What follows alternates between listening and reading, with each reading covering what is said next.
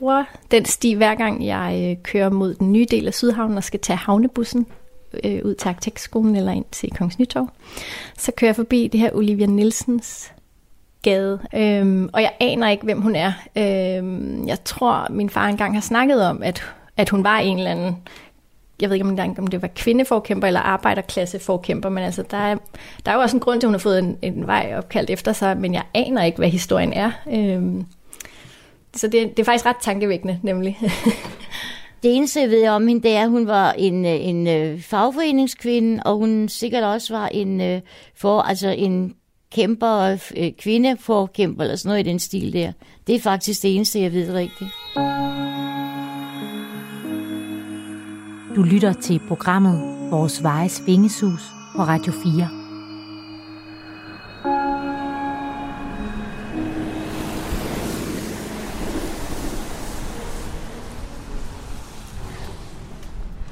Jeg går i Sydhavnen, øh, i den sydlige del af København. Øh, det er sådan et, en blanding af et industriområde og et boligkvarter. Har mange store kontorbygninger, fabrikker. Så er der en masse kraner. Det virker lidt til at være et sted, hvor der bliver bygget meget. Jeg er på vej hen til en gade, som, som, som har en helt særlig historie. Eller det vil sige, det er ikke selve gaden, der, der har det, men, men den person, som ligger navn til gaden. Og nu tror jeg, jeg kan se den. Olivia Nielsens gade. Ja, så er jeg her. Hold da op. Øhm, det er ikke en særlig prængende gade, kan man vist roligt sige. Der er meget gråt. Hele, nærmest hele vejen hen på, den, e, på højre side af vejen, der er der en stor øh, bygning. Det ligner en fabrik af en art, som er grå og hvid. Og over for den her bygning, der er der en underjordisk parkeringskælder. Så der er bare sådan et lag grå beton. Så er der lige en container, en grøn container, hvor der står fuck racism på, på den ene side. Så fuck racisme. Det er nok det allermest farverige på vejen, for det er skrevet med sådan lysegrøn. Og bagved den er der nogle kontorbygninger, også i grå. Udover det, så holder der mm, en masse biler på begge sider af vejen. Og så ender den blindt. Ej, man kan lige køre ned i parkeringskælderen for enden af vejen, kan jeg se. Øh, jeg vil skyde på, at den er en 150-200 meter. Det er altså ikke... Øh,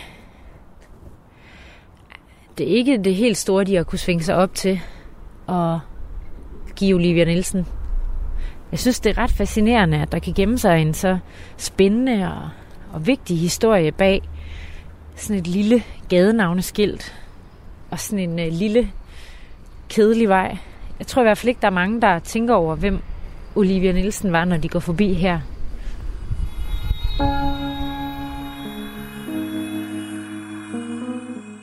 Vi går på dem, leger på dem, løber, bor og lever på dem.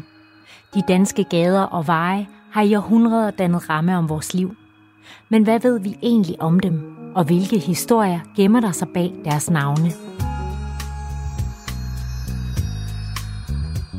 Mange gader er opkaldt efter mennesker, de færreste af os har hørt om, eller som er gået over i glemslen. Lokale helte, rige købmænd eller forelskede poeter, som har gjort indtryk og sat aftryk på historien. I det her program tager Radio 4 rundt i Danmark for at undersøge, hvem disse personer var og hvorfor de har fået en fast plads på det danske landkort. Det er historier om storhed, krig, kærlighed og fald, og hverdagen i Danmark gennem tiden. Det er vores vejes vingesus.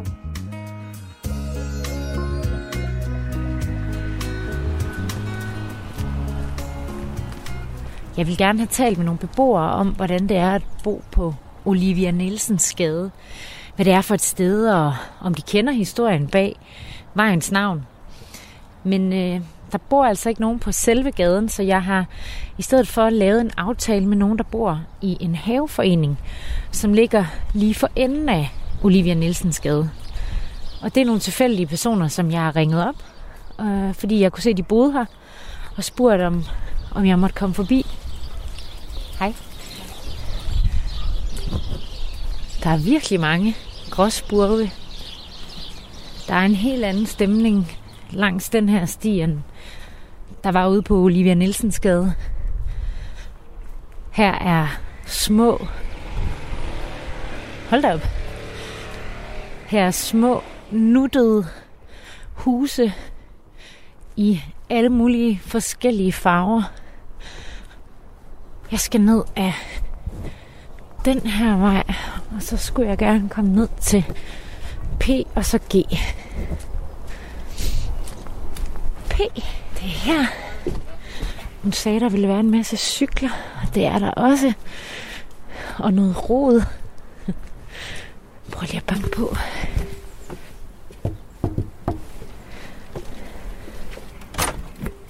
Rikke? Hej. Kom indenfor. Tak skal du have ind i varmen. Ja. Hyggeligt at møde dig. I lige måde. Det er her, du bor? Det er, det er mit lille hus, Ja. som jeg har bygget. Øhm, Det har du bygget? ja, det har jeg simpelthen selv bygget øh, med mine egne hænder tilbage i 2013, hvor jeg var så heldig at få øh, chancen for at, at, at bo på den her tomme grund, var det så. Okay. kastede jeg mig ud i at, at bygge mig et lille hus. Altså, det er bygget sådan lidt frem ud fra de materialer, jeg kunne skaffe vinduer og døre og sådan noget. Og så har jeg så, så vidt muligt prøvet at lave det til det her store åbne rum. Ikke? Så vi, nu står vi i entréen, der løber ud i køkkenet. Og så er der øh, den store åbne stue, Ja. øhm, hvor at jeg har lavet sådan en kanap. Det er nemlig også en gammel tradition herude, at der er sådan en kanap, hvor man rigtig kan sidde og kigge ud og følge med i livet på stien og sige hej til folk og sådan noget. Og hvor skal vi sidde hen? Skal vi sidde her i stuen ved det her også hjemmebygget bord, og foran det her store vindue, som kommer ud fra lange linje, fra den gamle tolvbåd. Så det er sådan en gammel fabriksvindue, hvor du kan se, at man kan åbne de nederste som sådan nogle kæmpemæssige kattelemme, kan man sige. Jeg hedder Rikke Rohr, og jeg er 35 år, og så er jeg født og opvokset her i Haveforeningen Frederikshøj, øhm, og så har lige været ude og bo i en lejlighed på Amager i nogle år, og så flyttede jeg tilbage i mit selvbyggede hus i 2013. Rikke Rohr har altså boet det meste af sit liv i haveforeningen og har selv bygget sit hus med hjælp fra naboer og venner.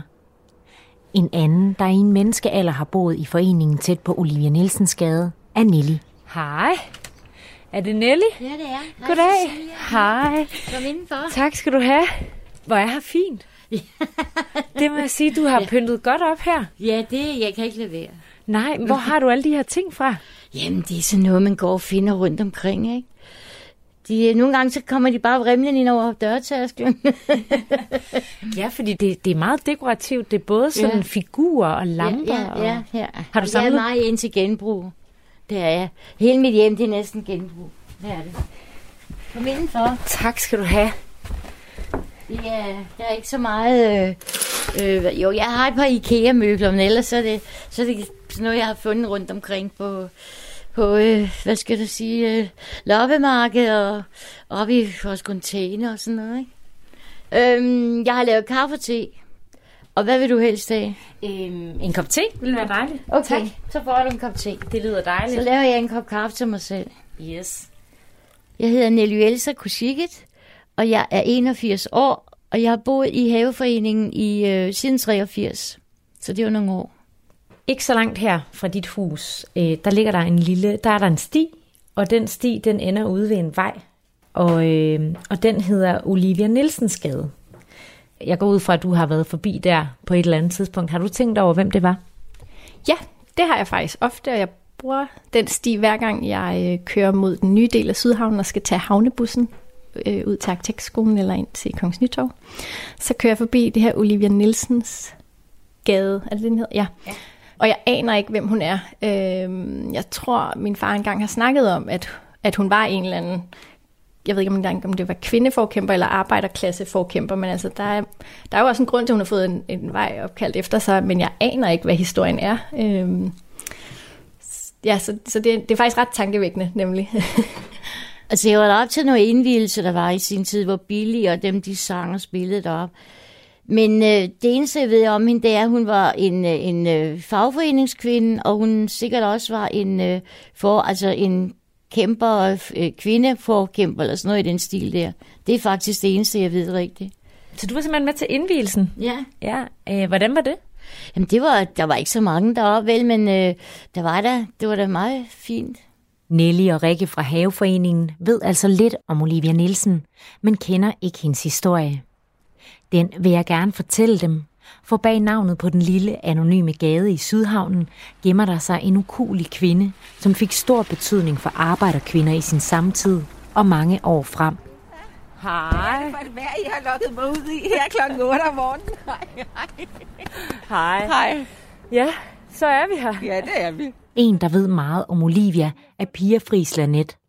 Hun er forfatter og har i flere af sine bøger beskæftiget sig med arbejderkvindernes historie. Pia, er det første gang, du er her på Olivia Nielsens gade? Det er absolut første gang. Jeg vidste faktisk slet ikke, at den var her. Og jeg er ellers kendt i Sydhavnen. Min øh, farmor har boet lige på den anden side af den store indfaldsvej ved Knudsensgade her. Øh, så jeg er vant til at komme herude fra barnsben af. Og når du ser den her gade, hvad, hvad tænker du så lige sådan umiddelbart? Har helt mennesketomt. Det er nærmest en parkeringsplads og fabriksbygninger. Det kan faktisk ikke være mere ydmygt i betragtning af, hvilken øh, stor person Olivia Nielsen var. Forfatter Pia Friis Lanet kender Sydhavnen og området omkring Olivia Nielsens gade, fordi hun siden barndommen er kommet her for at besøge sin farmor. Jeg spørger beboerne Rikke og Nelly, hvad de kan fortælle om at bo i Sydhavnen og i haveforeningen ved Olivia Nielsens gade.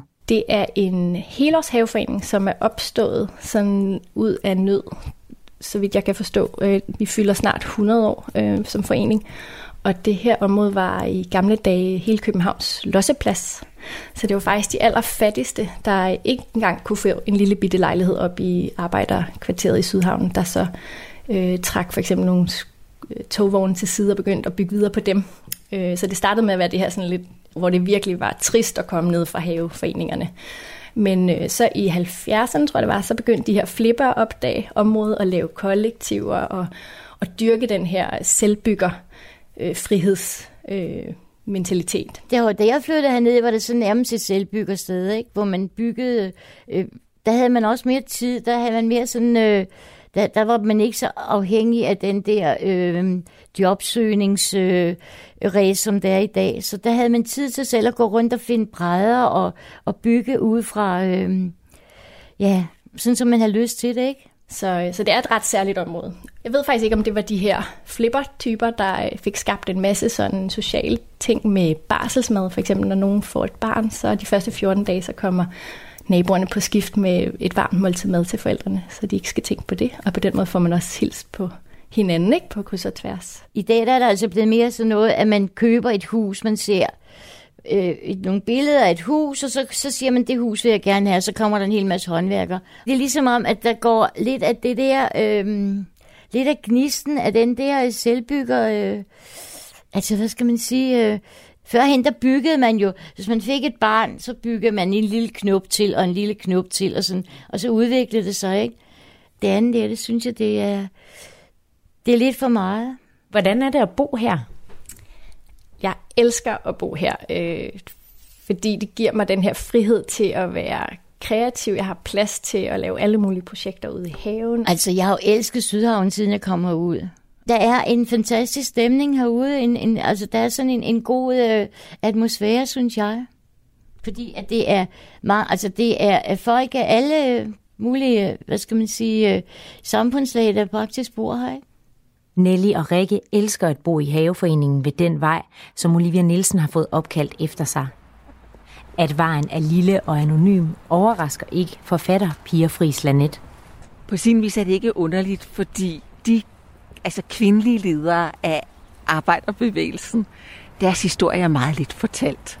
Øh, og det er underligt, fordi det er jo lige så vigtigt at øh, få organiseret kvinder og gjort dem politisk bevidste som mændene, men det har ikke rigtig været regnet på samme måde.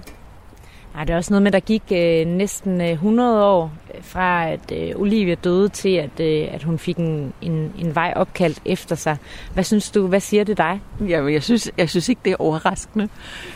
Man burde virkelig gå en vejnavn igennem, og så prøve at se på, hvor er det, vi kan putte de vigtige kvinder ind. Fordi den måde, jeg lærte Socialdemokratiets historie på, det var at gå rundt i det her kvarter. Og så fortalte min farmor, der var virkelig socialdemokrat af den gamle slags til ben. Hun fortalte mig så om, hvorfor gaderne hed, som de gjorde. Det var på den måde, jeg kom til at lære arbejderklassens store mænd at kende. Og derfor så er det altså betydningsfuldt, hvem, altså hvad gaderne hedder, og at kvinder, store kvinder, dem der har været med til at skabe det demokratiske Danmark, som vi kender i dag, at de også har deres gader og deres pladser, og så måske lidt finere end den her, som er stuet af, helt af vejen, så det kun er meget, meget få, der kender den. Hvem var Olivia Nielsen? Olivia Nielsen var en af de øh, tidligste ledere i arbejderbevægelsen, den socialdemokratiske arbejderbevægelse. Og hun organiserede de ringest lønnede, og dem med de dårligste arbejdsforhold, fabriksarbejderskerne og øh, vaske- og rengøringskonerne, og lagde grunden til det største kvindeforbund i Danmark, Kvindeligt Arbejderforbund, som kom helt op på at have øh, næsten 100.000 medlemmer i deres storhedstid. De gik fra at skulle hver især lille ydmyg kvinde forhandle med arbejdsgiveren om, hvad de skulle have i løn, til at det blev en kollektiv forhandling gennem en organiseret fagforening. Og der, altså, sådan er det jo, når man er mange, så er man stærkere. Og det var det, var det hun gjorde. Hun kæmpede for, at øh, kvinder skulle have rettigheder. Pligter havde de masser af. Og hun kæmpede for, at de skulle have indflydelse i samfundet i form af valgret. Myndiggørelse. Øh, dengang der var, da hun arbejdede der omkring i slutningen af 1800-tallet og begyndelsen af 1900-tallet, der var kvinder og arbejderklassen meget kude. Og vi tænker ofte demokratisering som sådan formelle regler og gå hen, hen og stemme øh, til folketingsvalg. Men den måde, som vores demokrati er bygget op på, det er helt nede fra bunden i foreninger, hvor kude folk, der aldrig altså, har sagt noget i en forsamling, vender sig til at øh, rejse sig op og sige deres mening, og i fællesskab stille krav og i fællesskab lave et program for at blive enige om, det er det her, vi kæmper for. Alt det hører jo med til demokratiseringen fra bunden. Og der har fagbevægelsen, ligesom andelsbevægelsen, haft en utrolig rolle. Så hun var en meget tidlig forkæmper for ligeret mellem kønnene, for politiske rettigheder og så mod uretfærdighed. Ifølge forfatter Pia Friis Lanet var Olivia Nielsen altså en af de første kvindelige ledere i arbejderbevægelsen. Her kæmpede hun imod det, hun oplevede som uretfærdigt, nemlig at ufaglærte kvinder havde dårlige løn- og arbejdsforhold og stort set ingen magt. I Haveforeningen spørger jeg beboerne Rikke og Nelly, hvad de tænker, når de hører det. Det synes jeg er meget interessant, og det kan jeg da høre har været noget meget vigtigt for vores samfund. jeg tror meget på, at jo bedre vi alle sammen har det, jo bedre et samfund har vi. Altså jo større tryghed har vi alle sammen, og jo bedre fungerer julene, hvis man kan sige det sådan. Jamen det har jo været svært for kvinderne at komme igennem, ikke? Altså kvinderne har, har været sat ind på, på, på, øh, i køkkenet og, og passe børn. Og det var det, ikke? Og så mange af dem fik, øh, de måtte jo så arbejde, nogle af dem måtte arbejde ved siden af, ikke? De fattigste fattige, ikke? Måtte arbejde ved siden af. Og så alligevel havde de ikke noget at skulle have sagt, vel? Så var de bare øh, hustyende på en måde, ikke? Og derfor synes jeg egentlig, at den gade deroppe, den er da alt for lille til hende. Hun skulle have haft en meget større gade, ikke? Hun burde egentlig have en, en boulevard. Hvad tænker du om det her med, at det var øh, kvinderne, hun øh, ligesom øh, hjalp på vej øh, i en tid, hvor at de ikke havde særlig meget at skulle have sagt? Det tror jeg, der har været ret svært. Jeg er ret imponeret over dem, der har fået idéerne, hvis man kan sige det sådan, første gang. Øhm, fordi det er meget interessant, der er jo lige blevet givet den her Robert-pris til den første kvindelige instruktør, ikke? og hun sagde det jo meget fint, at hun, da hun læste, at den aldrig var blevet givet til en kvinde før, så tænkte hun, så får jeg den heller ikke. Altså fordi det, er jo, det virker sådan helt utopisk. Så. Øh, så, så det der med at være den, der tænker, nej, det er faktisk ikke retfærdigt. Jeg kan se uretfærdigheden ud over det, der øh, er, er virkeligheden i dag. Det, det synes jeg er rigtig flot, øhm, og jeg håber, at vi også i vores tid vil være mange, der åbner øjnene og ser nye uretfærdigheder og beslutter os for at gøre noget ved dem. Noget af det, der motiverede Olivia øh, til at kæmpe for kvinders rettigheder, det var, at hun øh, både så og oplevede øh, på egen krop, fordi hun var øh, vaske- og rengøringskone, mener man, at kvinder ikke havde samme arbejdsvilkår som mænd. Og det synes hun var uretfærdigt. Øh, så hun videde en stor del af sit liv til at bekæmpe den uretfærdighed, som hun oplevede. Hvis vi kigger på, øh, på begrebet uretfærdighed, øh, sådan overordnet, hvad, hvad ligger der i det, synes du? At øh, den, det skæld, der er mellem øh, rig og fattig i dag, det er, det er rigtig uretfærdigt. Det synes jeg. Hvorfor det? Det er, at jeg går ind for, at der skal være mere lige, øh, lige fordeling af tingene. Og det synes jeg er uretfærdigt, der ikke er det. Det er næsten det bedste, jeg kan komme med at bud. Øhm, jamen, uretfærdighed er for mig, når der ikke er sammenhængen mellem...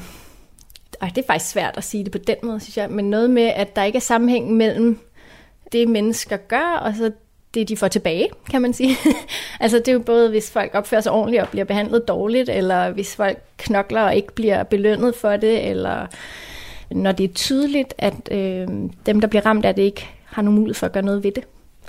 Øhm, det er også den værste følelse, tror jeg, det er det der med, at, altså, at man ikke kan handle sig ud af det, og man, at det ikke har nogen effekt. Lige meget hvad man gør, så er man bare ramt af den her skæbne. Ikke? Det, det er uretfærdighed for mig. Jeg synes, det er uretfærdigt, at der sidder en, et menneske i dag og tjener så mange penge. Han, tjener, han har en løn lige så meget som 36 af hans arbejdere. Det synes jeg er uretfærdigt. Der, der må jeg sige, der er jeg nok øh, mere socialist, end jeg er, er, er øh, konservativ. For bedre at forstå, hvorfor Olivia Nielsen bliver leder af Kvindeligt Arbejderforbund, og hvorfor hun brænder for at skabe bedre forhold for ufaglærte kvinder, spørger jeg forfatter Pia Friis Lanet, hvad Olivias baggrund er, og hvad det er for et Danmark, hun lever i. Olivia blev født i 1852. Det var jo et samme år, som Emma Gad blev født, og hun kom jo fra det fine borgerskab. Men Olivia Nielsen blev født op i Helsingør. Hendes far var tjenestekalt. Hendes mor har ikke nogen stillingsbetegnelse, så hun har sikkert passet børn. Og hvis hun, hun har sikkert arbejdet på en eller anden måde for at tjene til føden. Øh, men det har været den slags kvindearbejde med at gå ud og vaske for folk og gøre rent for folk, som aldrig nogensinde rigtig er kommet ind i statistikkerne. Og øh, da Olivia bliver født, der er Danmark lige øh, blevet et demokratisk samfund, kalder vi det. Øh, det var mænd over 30 år med egen husstand, der havde fået stemmeret. Cirka 15 procent af befolkningen. Så øh, mere demokratisk var det altså heller ikke, men det var da et skridt på vejen. Og øh, Helsingør var jo en lille købstad, og øh, det var på det tidspunkt, hvor der begyndte at ske virkelig meget i København. Øh, det var, altså der, hvor, hvor Olivia Nielsen bliver født, der var det stadigvæk sådan en by, hvor der var en ringvold. Altså næsten som i H.C. Andersens eventyr med en konge på et kongeslot. Og H.C. Andersen gik faktisk også rundt inde i byen sammen med Grundtvig og Kirkegård. Og der var, man skal forestille sig, en rigtig møgbeskidt by hvor folk var stuet sammen. Der var ikke kloakker, der stank. Øh, der var en enorm standsforskel, lige fra folk, der var rigtig rige, og så til folk, som næsten ikke havde noget at putte i munden. Og hvor vil du placere øh, Olivias familie øh, i, i det billede? Når man havde arbejde, så var man på den grønne gren. Problemet var jo bare, at, øh, at øh, man nemt kunne miste sit arbejde. Og så var grænsen til eksistensminimum, eller sultegård, sultegrænsen, eller turen direkte til fattigården. Altså, man kunne nemt havne på den sliske. Men det gjorde hun ikke. Hun blev gift som 20-årig, og i løbet af de næste 15 år, der, øh, der fik hun ni børn. De to døde. Øh, altså, hendes mand var arbejder, og øh, hun arbejdede også selv. Vi ved ikke rigtig så meget om hende. Det er tit problemet med de der tidlige øh, arbejderkvinder, at der er ikke nogen, der har skrevet deres historie, før efter de kommer ind og begynder at organisere andre. Men hun og hendes mand tager til København i 1880'erne Og det var det tidspunkt, hvor øh, altså, næringsfrihedslovene var sat igennem, var blevet vedtaget. Og det vil sige, der skete sådan en eksplosion, en industrialisering, som betød, at folk ude fra landet, især unge mennesker, de blev trukket ind til byerne som magneter. Det er der, hvor Danmark begynder at blive et moderne land. Og der kommer Olivia, hendes mand og deres børn så ind til København for at arbejde. Og, øh, og øh, du sagde sådan nærings... Hvad kaldte du det? Næringsfrihedslovene. Det er der, hvor markedskræfterne bliver frie. Indtil da, der måtte man kun handle inde i købstederne. Vi kender det, det er svært at forestille sig, men de fleste har set uh, Jeppe på bjerget, og ved, at uh, han bliver sendt afsted af sin kone, Nille, for at købe sæbe. Han skal løbe hele vejen ind til byen, fordi i deres landsby kan de ikke købe eller, eller fremstille sæbe. Man måtte kun købe, sælge og fremstille i købstederne. Og det var det, der blev ændret gennem næringsfrihedslovene. Sådan så øh, altså alle fik lov til at producere og sælge øh, varer. Og det er også der i øvrigt, de kommer i 1857, at kvinder, som før havde været fuldstændig umyndiggjort hele livet, at de får personlig myndighed, når de bliver 25 år, på lige fod med unge mænd, som også bliver personligt myndige, når de bliver 25 år.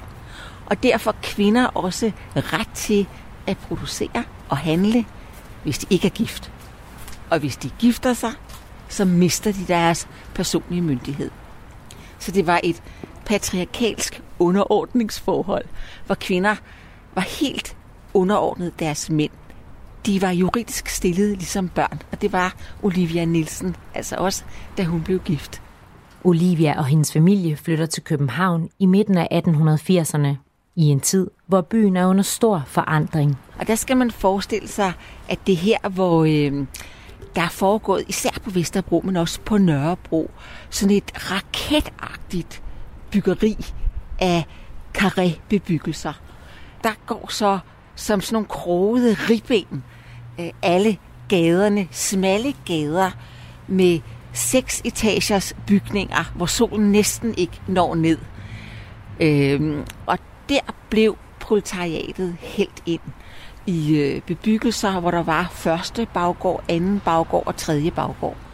Og den tredje baggård, der var der så lidt udsigt til himlen, så den ofte blev kaldt den grønne gård.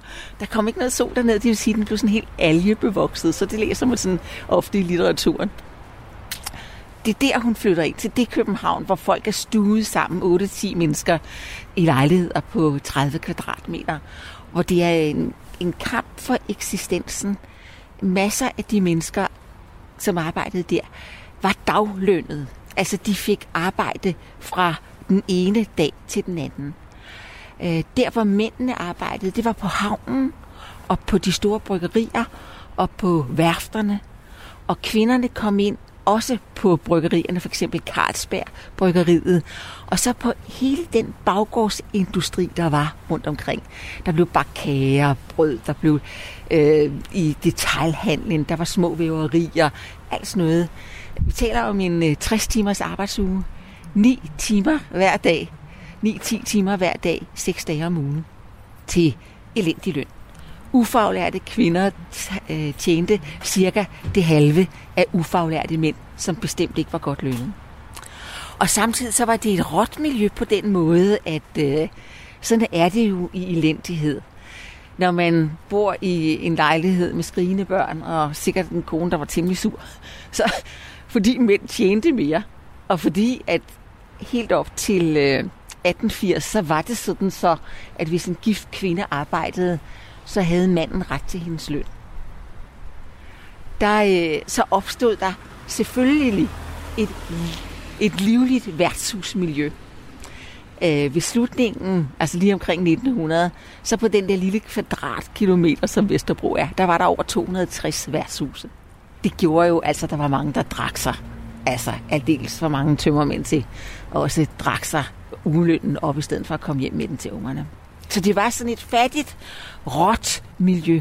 Og samtidig med elendigheden, så er det også det sted, hvor der gror en selvbevidsthed frem. Det er der, hvor øh, arbejderbevægelsen begynder at organisere sig fra 1870'erne og frem. Ifølge Pia Friis Lanet begynder arbejderne blandt andet at organisere sig, fordi de ofte må arbejde under usle forhold.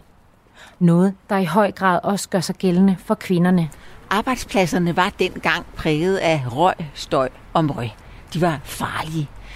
Øh, for eksempel var der mange kvinder, der arbejdede på øh, fabrikker med drivremme, der ikke var afskærmet.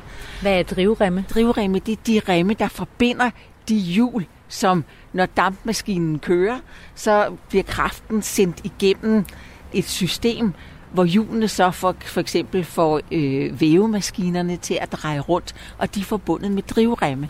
Og hvis du får et kjolestykke, altså din kjole ind i, eller dit hår ind i, så øh, bliver du simpelthen altså, hævet med ind i maskineriet og smadret. Det var bare en af de virkelig øh, ubehagelige arbejdsmiljøproblemer, man havde. Og øh, vaske- og rengøringskonerne, især vaskekonerne, det var dem, som tog ud til private hjem, og så vaskede de storvask. Og når man var igennem sådan en vaskedag med det der tunge, våde tøj med hænderne i vand hele tiden, så var hænderne regulært opløst. Vanvittigt hårdt arbejde. Og de kvinder fik altså en, den dårligste løn på hele arbejdsmarkedet, også dårligere end fabriksarbejderne. Og det var de kvinder, som Olivia Nielsen var med til at organisere sammen, altså samtidig med, at hun også organiserede fabriksarbejderne. Det hun gør, er, at hun melder sig ind i kvindeligt arbejderforbund i slutningen af 80'erne. Og i 91, øh, der bliver hun så medlem af hovedbestyrelsen. Og man har en fornemmelse af, hvor lille, en, altså, hvor lille den forening var. For det var kun med 16 stemmer, at hun blev valgt ind i hovedbestyrelsen. Det var så svært at øh, organisere vaske- og rengøringskoner og fabriksarbejdere, fordi de tjente så lidt.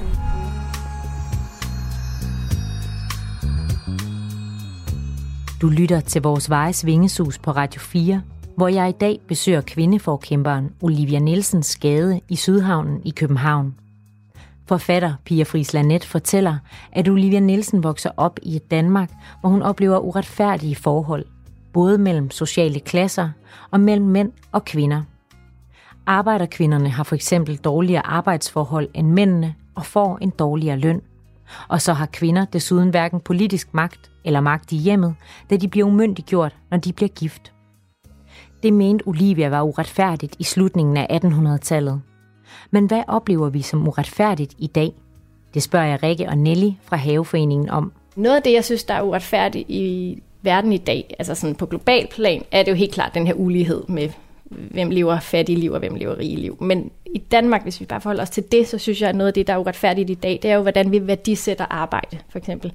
Jeg vil jo ønske, og jeg synes, vi alle sammen bør vælge arbejde ud fra det, vi er dygtige til, og det, vi brænder for. Det tror jeg er godt for både mennesket, men også samfundet. Og så synes jeg ikke, det giver mening, at for eksempel en sygeplejerske eller en sociohjælper skal tjene så meget mindre end en bankdirektør. For jeg håber jo, at bankdirektøren synes, det er fedt at få lov at lede mennesker, få lov at være den, der bestemmer, og være den, der sidder i møder med andre spændende ledere, og få lov at udvikle strategierne osv. Og så håber jeg, at socioassistenten og sygeplejersken netop er glade for, at de får lov at arbejde med mennesker. De er dygtige til at tale med dem og give dem tryghed og pleje dem både dag og nat. De to jobs er for mig at se lige vigtige. Ikke? Så hvorfor skal sygeplejersken have så meget mindre at leve for og ikke have råd til de goder, som bankdirektøren har? Ikke? Det, det giver ingen mening. Øhm, det er dybt uretfærdigt, synes jeg. Men nogen vil måske argumentere for, at, øh, at øh, bankdirektøren for eksempel skaber flere arbejdspladser, og det i sidste ende øh, også øh, betyder, at der kommer flere penge i øh, statskassen. Skal han ikke honoreres? Han, hun ikke honoreres øh, for det? Jeg synes, det er nemlig det, man ikke kan sammenligne. Det håber jeg, at han er stolt af, at han gør. Det synes jeg på mange måder burde være en belønning nok i sig selv. Øh, fordi er det ikke også vigtigt, at der er nogen, der tager sig af vores gamle og vores børn? Altså, hvordan vil du sammenligne de to ting? Der er jo nogen, der skal gøre det ene, og nogen, der skal gøre det andet, for at vi har et godt og trygt samfund. Så jeg synes ikke, at man kan stille det sådan op. Det er det med det, jeg synes, der er helt forkert ved vores samfund i dag. Altså nu støtter jeg jo Fiskerhavnen dernede også, for jeg synes, det er så uretfærdigt, at man tager et grønt stykke dernede og skal til at begynde at bygge 550 boliger, og så ødelægge hele det fine miljø, der er dernede. Med de mennesker, der bor der, der, der hygger sig og har det rart. Så skal man til at, at, at, at klaske 550 boliger op det. Det synes jeg virkelig er uretfærdigt. Hvorfor det? Hvorfor er det uretfærdigt? Jamen, det er det der, fordi at man ødelægger et miljø, og man ødelægger de menneskers øh, hverdag på en eller anden måde. Ikke? Jeg har i flere omgange været med til at kæmpe for noget uretfærdigt. Det har jeg næsten ikke kunne lade være med, når, jeg har, når det har været tydeligt for mig. Øhm, Sydhavns Folkemøde er et initiativ, jeg tog sidste sommer på baggrund af netop årets uretfærdighed, vil jeg sige, i 2019. Og det var, at øh, man på, altså nærmest på en nat øh, i nogle budgetforhandlinger i kommunen gik ind og affredede, eller ønskede at affrede et stykke natur, alene for at sælge det, for at putte de penge i øh, metrogældskassen. Og det synes jeg jo er dybt uretfærdigt, at naturen skal betale for vores metro, og at noget, som vi troede var fredet, altså det vil sige sikret i mange generationer frem, kan blive taget fra os på et øjeblik. Øhm, og derfor startede jeg Sydhavns Folkemøde, som er, skal være ligesom hele Danmarks byudviklingsdebatforum, fordi det her er jo sket mange steder. Nu skete lige præcis det her i Sydhavnen. Men det skete jo også med slagtergårdene på Vesterbro, og det sker også i Viborg og på Bornholm. Og, altså det sker rundt omkring. Men det, der var grundlæggende forkert ved det her, det var, at Folketinget gik ind og fuldstændig strid med fredningsloven, som ellers ikke har været brudt i 100 år, gik ind og lavede en særlov, hvor de bare lige affredede de her tre naturgrunden på 14 dage, uden om fredningsnævnet. Og det er jo at bryde med tredelingen af magten. Så pludselig vil politikerne både være dem, der lovgiver, men de vil også være dømmende magt. De vil ikke respektere den instans, der er sat ned til at vurdere de her sager. Jeg støtter øh, Fiskerhavnen dernede, at det miljø, det kan blive bevaret, og den lille grønne firkant, hvor der er fugle og padder og insekter, og, og vi ser hver eneste dag på fjernsyn, og jeg ved ikke hvad, at, at der er ikke ret mange sommerfugle tilbage, og insekterne bliver der mindre og mindre af, og padder og så videre, og så vil man bare gå ind og så knuse det. Det synes jeg simpelthen er for meget. Det synes jeg. Nu affreder man det, når man ved, hvor vigtigt det er, at vi har den natur. Det blev vigtigt for mig at gå ind i den sag, fordi jeg netop mest af alt blev bange for, hvad det ville gøre ved vores borgerengagement og ved demokratiet, hvis man kan sige det sådan, fremadrettet. Fordi hvis først folk har fået den opfattelse, at de bruger en masse af deres fritid på at, at engagere sig og kæmpe for noget, og det så ikke har nogen effekt, så er jeg bange for, at folk bare vil resignere simpelthen. Og det, det, er jo, det jo, vi er nødt til at have noget grønt. Altså, det, at man ikke kan se det, det fatter jeg ikke. Hvorfor er det uretfærdigt, synes du? Jamen, det er da uretfærdigt for hele, for hele menneskeheden, at man, at man øh, ødelægger naturen. Vi har brug for naturen, ikke? Det er træerne, der er med til at give, altså, og det grønne, der er med til at give os liv, ikke?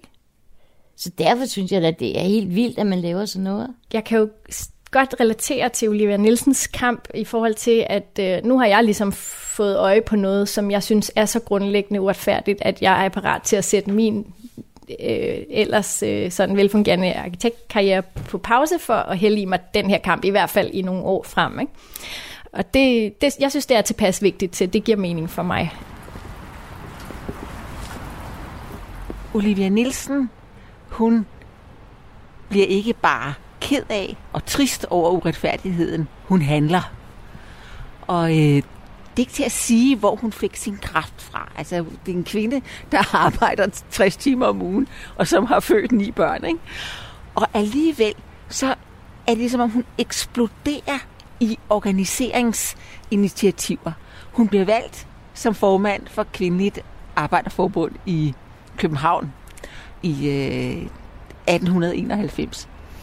Og det hun gør, det er, at hun går til øh, øh, formanden MC Lyngsi for Arbejdsmændenes Forbund. Han organiserer bunden af arbejderklassens mænd, og hun vil nu gøre det samme med arbejderklassens kvinder. Og så siger hun, du bliver nødt til at låne mig 100 kroner til agitations- og propagandaarbejde. Øh, hun vil simpelthen værve flere medlemmer. Og det lykkes. Han låner hende pengene, og han, øh, han støtter hende hele vejen igennem. Og det første, der lykkes for Olivia Nielsen, det er at øh, få organiseret kvinderne på Tuborg, bryggeriarbejderkvinderne derude. De øh, sørger for at tappe øl på flasker og komme kapsler på og øh, lægge flaskerne ned i tunge ølkasser. Det var tre dengang, og der var 50 i hver kasse. Det var virkelig tungt arbejde. og øh, de vil gerne have højere løn. Og så organiserer de sig, og så får de fagforeningsledelse til at forhandle deres løn. Og der bliver indgået den første overenskomst. Det var første skridt på vejen. Og hvilken rolle spiller Olivia Nielsen i den proces? Olivia Nielsen er forhandleren. Hun forhandler på deres vegne. Og samme år, det er i 1896, der øh, kvinderne på øh, Holm og Sønders Refslagerfabrik. En refslagerfabrik, det er der, hvor man laver tovværk. De er utilfredse både med løn og arbejdsforhold. De får 7 kroner og 40 øre om ugen, men der er et bødesystem på arbejdspladsen, så hvis de kommer for sent, så bliver de trukket i løn. Hvis de går på toilettet og er der for længe, bliver de trukket i løn. Hvis de står og sluder med en eller anden, bliver de trukket i løn. Og det vil sige, at de ofte oplever, at, altså at der simpelthen er taget et ordentligt haps af deres løn, når det var dengang, man faktisk fik sin løn i en lønningspose udbetalt der. Og der er jo ikke nogen ankemuligheder. Samtidig er det sådan så, at nogle af de mandlige formænd er meget hårde ved kvinderne. En af dem slår dem med en skruenøgle. Og så øh, melder de sig alle sammen ind i Kvindeligt Arbejderforbund, og Olivia Nielsen er deres forhandler og sender et meget venligt brev til øh, Christian Holm, som er ejer af fabrikken, og beder om en forhandling om de her forhold, som at forbedre disse forhold, så vidt det er muligt, skriver hun oven i købet. Og han svarer så tilbage, at han ikke taler med hvem som helst fra gaden. Det skulle han nok ikke have gjort. Fordi det gør både kvinderne meget vrede og Olivia Nielsen. Og kvinderne strækker. Og de gennemfører en syv uger lang strække. Altså det er på et tidspunkt, hvor det altså, der næsten ikke er nogen strækkeunderstøttelse. Det kræver sådan en vilje og sammenbithed at stå sammen der. Og Olivia Nielsen, hun skriver i Socialdemokraten, det var Socialdemokratiet og Fagbevægelsens blad dengang, avis, daglig avis, og hun skriver om strejken. Og de opfører sig meget, meget ordentligt, og hun beskriver så arbejdsforholdene og kalder det slavelignende arbejdsforhold, og at hun sørger godt kan forstå, at ejerne der er de kendt som store filantroper, altså mænd, der er godgørende, som giver penge til øh, fattige børn og enlige mødre og hvad som helst. Ja, først så stjæler de en stor del af kvindernes løn ved urimelige bøder, og så kan de så bruge de penge til at dele ud til fattige mennesker. Det har hun ikke meget respekt for. Og det bliver stangtosset. Altså, det er det eneste ord for det. Og Christian Holm der, han sagsøger hende, anlægger et civilt søgsmål for injurier og bagvaskelse, mens strækken kører. Og så skal Olivia så i retten, og hun modtager sig en retsindkaldelse. Men det gør hendes mand samtidig, fordi hun er jo gift, og hendes mand er hendes værge. Så selvom hun organiserer kvinderne, selvom hun er fagforeningsformand, så kan hun ikke møde op i retten. Der skal hendes mand med og være værge for hende og tale for hende. Man tror, det er løgn, men det er altså sådan, det var, ikke? Og hvordan ender, hvordan ender det? Ja, det ender med, at øh, der faktisk bliver altså efter syv uger bliver der indgået en overenskomst. De får ikke de 9 kroner om ugen, som de har forlangt. De får 8, men det er jo altså så halvdelen af det, de har forlangt. Og de får afskaffet det urimelige bødesystem. Men først og fremmest, så får de retten, og altså anerkendelsen, at de har ret til at organisere sig. Og så, så stopper han retssagen. Altså der fik øh, altså fabriksarbejderkvinderne virkelig vist, at øh, de lå sig ikke byde hvad som helst. Altså det er jo en myndiggørelse at erkende, at hvis vi organiserer os og stiller rimelige krav og kæmper for det, så får vi noget ud af det. Og den historie går jo landet rundt.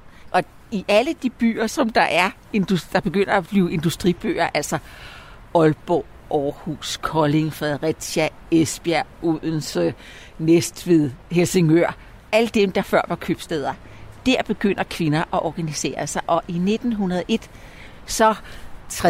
januar, sådan en kold, diset morgen. Jeg har set på temperaturen dengang, Meteorologisk Institut tog også temperatur dengang tog ligger over København, og så går der så 24 kvinder ind til øh, Folkets Hus i Rømersgade.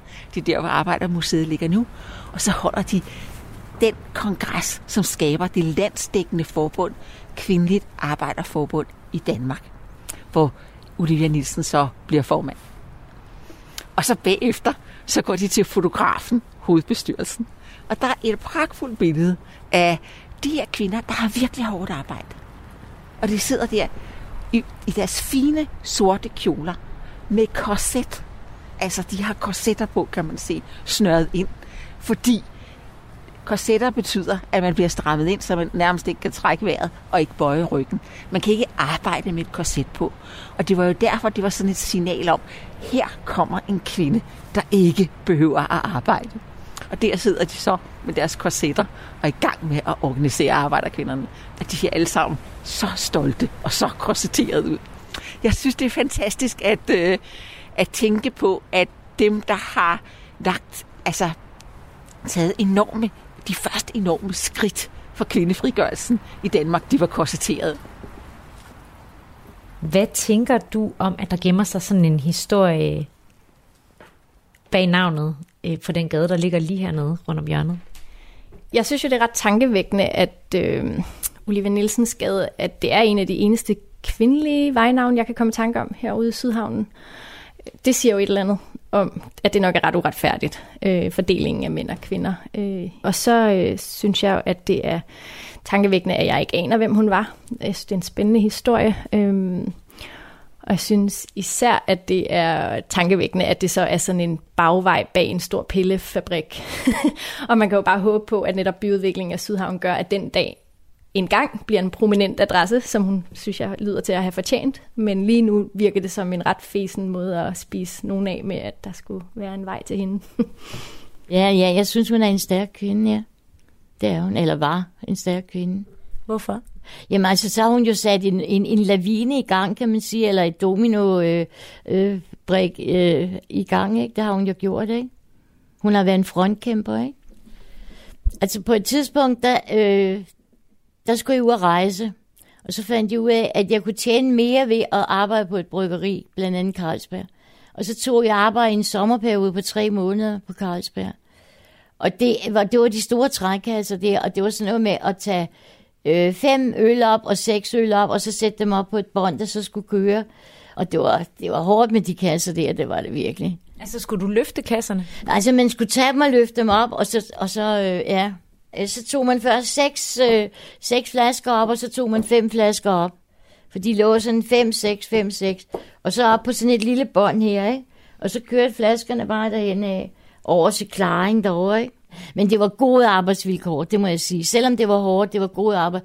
Altså der kan man se, at bryggeriarbejderne, de har gjort deres fagforening, har lavet et stort stykke arbejde. Så det ja. kan være, at, øh, at der nærmest er en øh, mere eller mindre direkte tråd fra Olivia Nielsens gerninger til dit det, eget liv. Det var man håbe, det var man håbe, ja. At det er på den måde, hun har fået sat det på plads, ikke? At hun har været forgangsvinden for at, at, at skabe bedre vilkår for kvinder på fabrikker, ikke? Jeg synes, at vi kan bruge hendes historie til at minde os selv om, at det jo, vi kan jo kun forandre samfundet øh, ved en aktiv indsats. Og at øh, hun har helt sikkert været med til at forme det samfund, vi er i dag. Øhm, og jeg håber også, at hun nåede at få noget af det selv. Men ellers så tror jeg faktisk, at det har alene det, at hun har gjort det, tror jeg har givet hende rigtig meget øh, mening med livet, man kan sige det sådan. Hvorfor tror du det? Men det er fordi, kan jeg selv mærke, når jeg engagerer mig i sager, at, at alene det, at jeg gør noget, gør mig godt, hvis man kan sige det sådan. Og alene det, at jeg står op imod uretfærdigheder, gør mig godt. Og så til sammen, så når vi hele tiden tættere på det gode samfund. Altså, vi kan jo bruge hendes historie til, og så at folk de forstår, hvor, hvor vigtige fagforeningerne er. Ikke?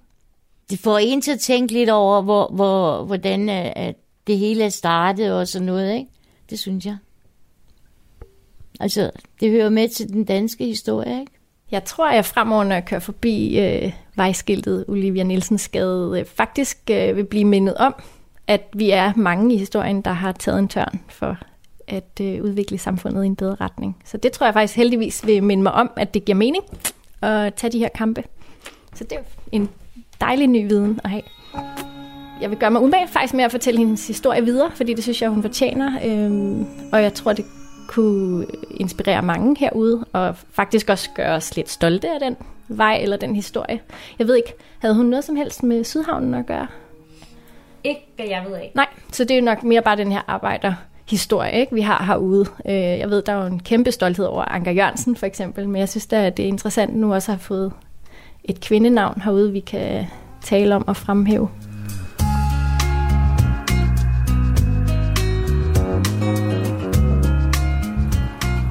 Hvordan ender historien om Olivia Nielsen? Ja, hun dør alt for tidligt. Hun er jo fuldstændig udarbejdet, så hun dør allerede i 1910, da hun skal op og tale til øh, arbejdsmændenes kongres i Aalborg. Så får hun et hjertetilfælde og dør få dage senere. Og der er hun 58 år. Men der var hun også noget vidt. Året før, det var første gang, hvor kvinder fik ret til at øh, stemme til kommunalvalg. Og der blev hun så valgt ind i øh, Københavns borgerrepræsentation. Det er noget af det, som øh, fagbevægelsen gjorde. Den, de producerede simpelthen altså politikere, til, øh, som kunne repræsentere arbejderklassen. Øh, men hun når ikke at få udrettet så meget, for hun dør allerede året efter. Noget af det sidste, hun siger, det er, at de skal passe på hendes elskede forbund. Det er virkelig hendes livsværk. Altså det vokser. På det tidspunkt, så er der 11.000 medlemmer. Og der har været 30.000 medlemmer igennem inden øh, Første Verdenskrig. Men de 20.000 af dem, de har været på gennemtræk, fordi nu er mændene blevet opmærksomme på, at det gælder om at få organiseret kvinderne. Så de organiseres gennem kvindelige arbejderforbund, og så bliver de så lukket over de andre forbund. Men alligevel så vokser og vokser og vokser det forbund, og taler de ufaglærte kvinders sag helt frem til 2005, hvor de så bliver forenet langt om længe med øh, Specialarbejderforbundet. De to forbund bliver så til 3F, som vi har i dag. Hvad synes du, vi kan lære af Olivia Nielsens historie? At når man oplever uretfærdighed, så skal man, hvis det overhovedet er muligt, så skal man rette ryggen, og så skal man kæmpe for retfærdighed. Og det kommer man ikke langt med, hvis man er alene. Det kommer man langt med, hvis man gør det sammen med andre. Og den lære, den bliver aldrig forældet. Olivia Nielsen har dels grundlagt Danmarks største kvindeforbund, og på den måde været med til at skaffe kvinder bedre løn- og arbejdsforhold. Og så har hun været med til at drive en bevægelse frem, der har betydet en myndiggørelse af danske kvinder. Olivia har altså sat sig utrolige spor i den forstand, at hun har været med til at skabe den altså, helt særlige ranke form for kvindelighed, som vi har i Danmark. Og så har hun altså også sat sig spor i form af den her gade. Så der har, hun har sat sådan et mærke efter sig. Øh, og det kan man så... Altså man kan jo vende at grine eller græde over, at øh, den er så lille, og den er så ydmyg. Og øh, jeg tror, man bliver nødt til altså, ligesom at tage det lidt humoristisk, ikke? og så sige, tænk, at så stort et menneske, der har været så vigtig, at hun kan få en parkeringsplads. Og et sted, hvor der altså virkelig ikke bor nogen folk. Så der godt, at kolonihaverne de ligger derovre. Øh, fordi det var jo også en del af altså at gøre livet for arbejderklassen i byerne bedre. Det var, at de fik ret til at have det der lille stykke jord, hvor de kunne have frihed og værdighed og udfolde deres fantasi i små, flotte bygninger.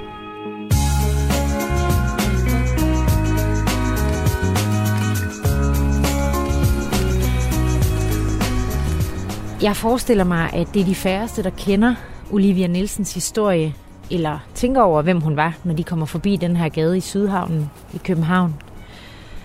Men Olivias historie er blot en ud af mange, der gemmer sig bag de danske gadenavne. Og derfor vil jeg fortsætte med at dykke ned i vejenes historier og se, om jeg kan finde nogle vigtige fortællinger om mennesker, der har været med til at forme Danmark Du har lyttet til vores Vejes Vingesus på Radio 4. De medvirkende var forfatter Pia Friis Lanet og Sydhavnsdamerne Nelly Elsa Kusikits og Rikke Rohr. Simon Kivitz har researchet, og det er mig, Cecilie Sønderstrup, som har tilrettelagt og redigeret udsendelsen. I næste uge tager vores vejs vingesus til Ribe, hvor jeg besøger en vej, hvis navn gemmer på en dramatisk historie fra 2. verdenskrig. Han var med sine egne ord parat til, til alt og ender så med at være en af de unge, der betalte den højeste pris under besættelsen. Du kan høre meget mere om den historie på næste lørdag kl. 13.05 her på kanalen. Hvis du kender en vej, der gemmer på en god historie, så vil jeg gerne høre fra dig. Send dit tip til reportage radio4.dk. Du kan genhøre dagens udsendelse på radio4.dk eller via Radio 4's app. Vi høres ved.